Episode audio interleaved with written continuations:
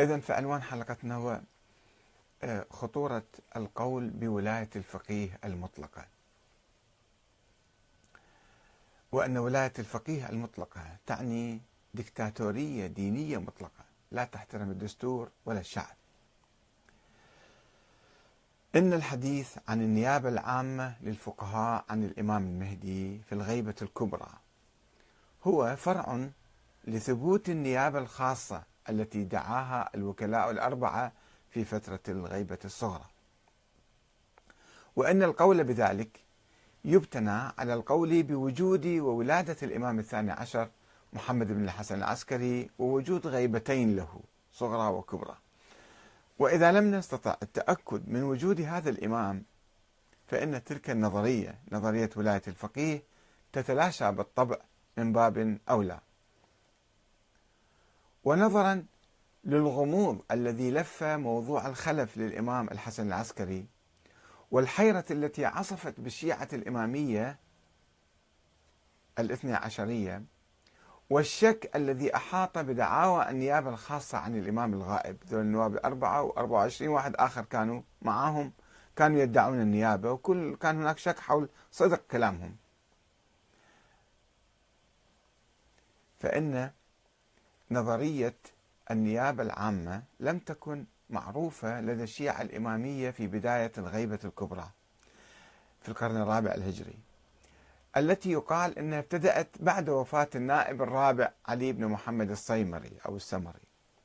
بل إن الشيعة الأوائل في القرن الرابع اعتبروا النيابة العامة التي توازي الإمامة أو ولاية الفقيه يعني متناقضة تماما مع نظرية الإمامة.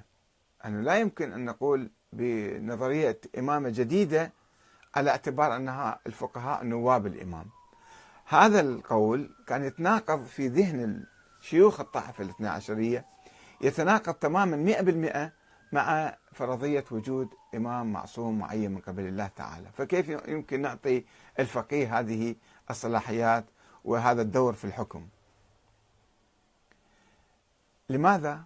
لأنها تسقط شرطي الأسمة والنص في الإمام وإنما هي نظرية ظنية هاي ولاية الفقيه نظرية ظنية استنبطها بعض العلماء أو حتى نظرية النيابة العامة يعني نظرية ظنية استنبطها بعض العلماء في وقت لاحق في القرن الخامس وطوروها عبر التاريخ ووسعوها شيئا فشيئا وخطوة فخطوة ولم يكن لها وجود من قبل.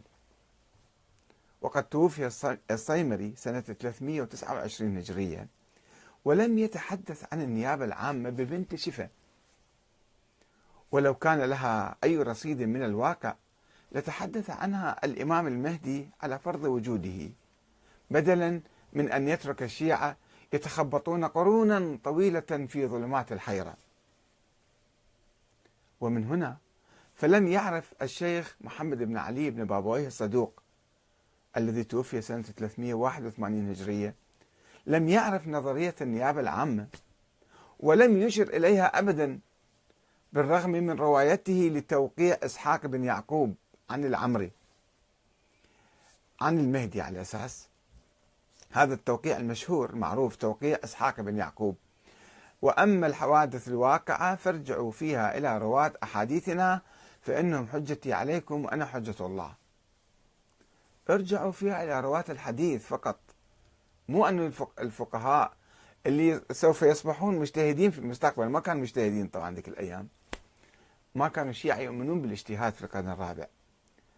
فهذا المجتهد ما عنده صلاحيات أن يكون إمام أو محل الإمام أو قائم مقام الإمام.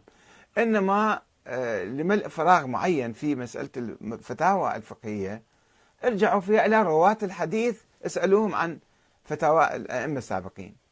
هذه كل صلاحيات و آه، يعني إطار آه، المرجعية أو الرجوع إلى الفقهاء. وذلك إما للشك بصحة التوقيع أنه هذا التوقيع من وين جاء؟ العمري من يقول صحيح؟ يتكلم يتكلم من عنده. المروي عن مجهول هو إسحاق بن يعقوب. ما حد ما يعرف منه هذا إسحاق بن يعقوب. وإما علماء رجال لا يعرفون هذا رجل مجهول فكيف ممكن نأخذ بروايته أساسا؟ وإما لعدم دلالته على النيابة العامة. أن هذا الحديث إذا افترضنا صحة هذا الحديث ما يدل على النيابة العامة. خاصة وإنه يتحدث عن الرجوع إلى الرواة. في ظل النيابة الخاصة في أيام النيابة الخاصة مو ما بعدهم. وفي أيام السفير الثاني محمد بن عثمان العمري.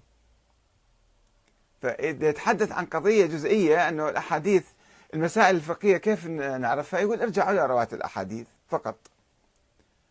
وإذا كانت النيابة الخاصة المتصلة حسب الفرض أن النواب الخاصة متصلين بالإمام المهدي كانت محدودة وغير سياسية. فكيف يمكن أن يفهم من التوقيع معنى أكبر وأوسع منها فيما بعد؟ ونعطي نيابة عامة للفقهاء الذين لم يكونوا موجودين ذيك الأيام.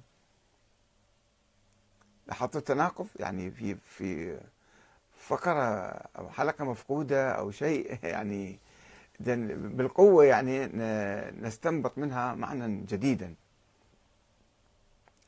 لقد كان أول من تحدث عن تفويض الأئمة للفقهاء في مجال إقامة الحدود فقط.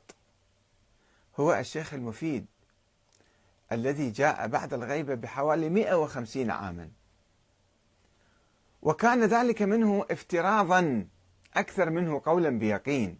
هو افتراض هو يعني دعا الافتراض ذلك وقد انطلق في محاولته يعني قال إذا أجبر الحاكم الظالم حتى لو كان شيعي كان يسميه ظالم في أيام الدولة, الدولة البوهية هو كان. وإذا أجبر الحاكم الظالم فقيها على ممارسة القضاء فإنا الله وإنا إليه راجعون. بعد مجبور صار هدده بالقتل إذا ما تقبل فيقول هو يمارس القضاء وينوي أنه نائب عن الإمام المهدي. خليه ينوي يعني خليه يفترض.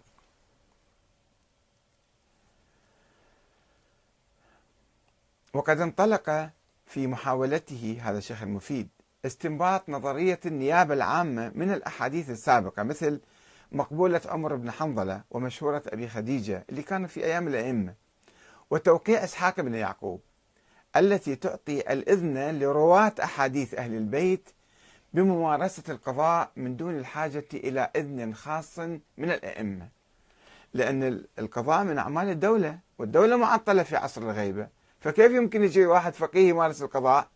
فهو راح إلى أحاديث قديمة في عهد الإمام الصادق أنه الإمام أعطى إجازة لرواة الأحاديث أن يقضوا. فإذا قال ما دام هذاك كان جائز الآن أيضا إحنا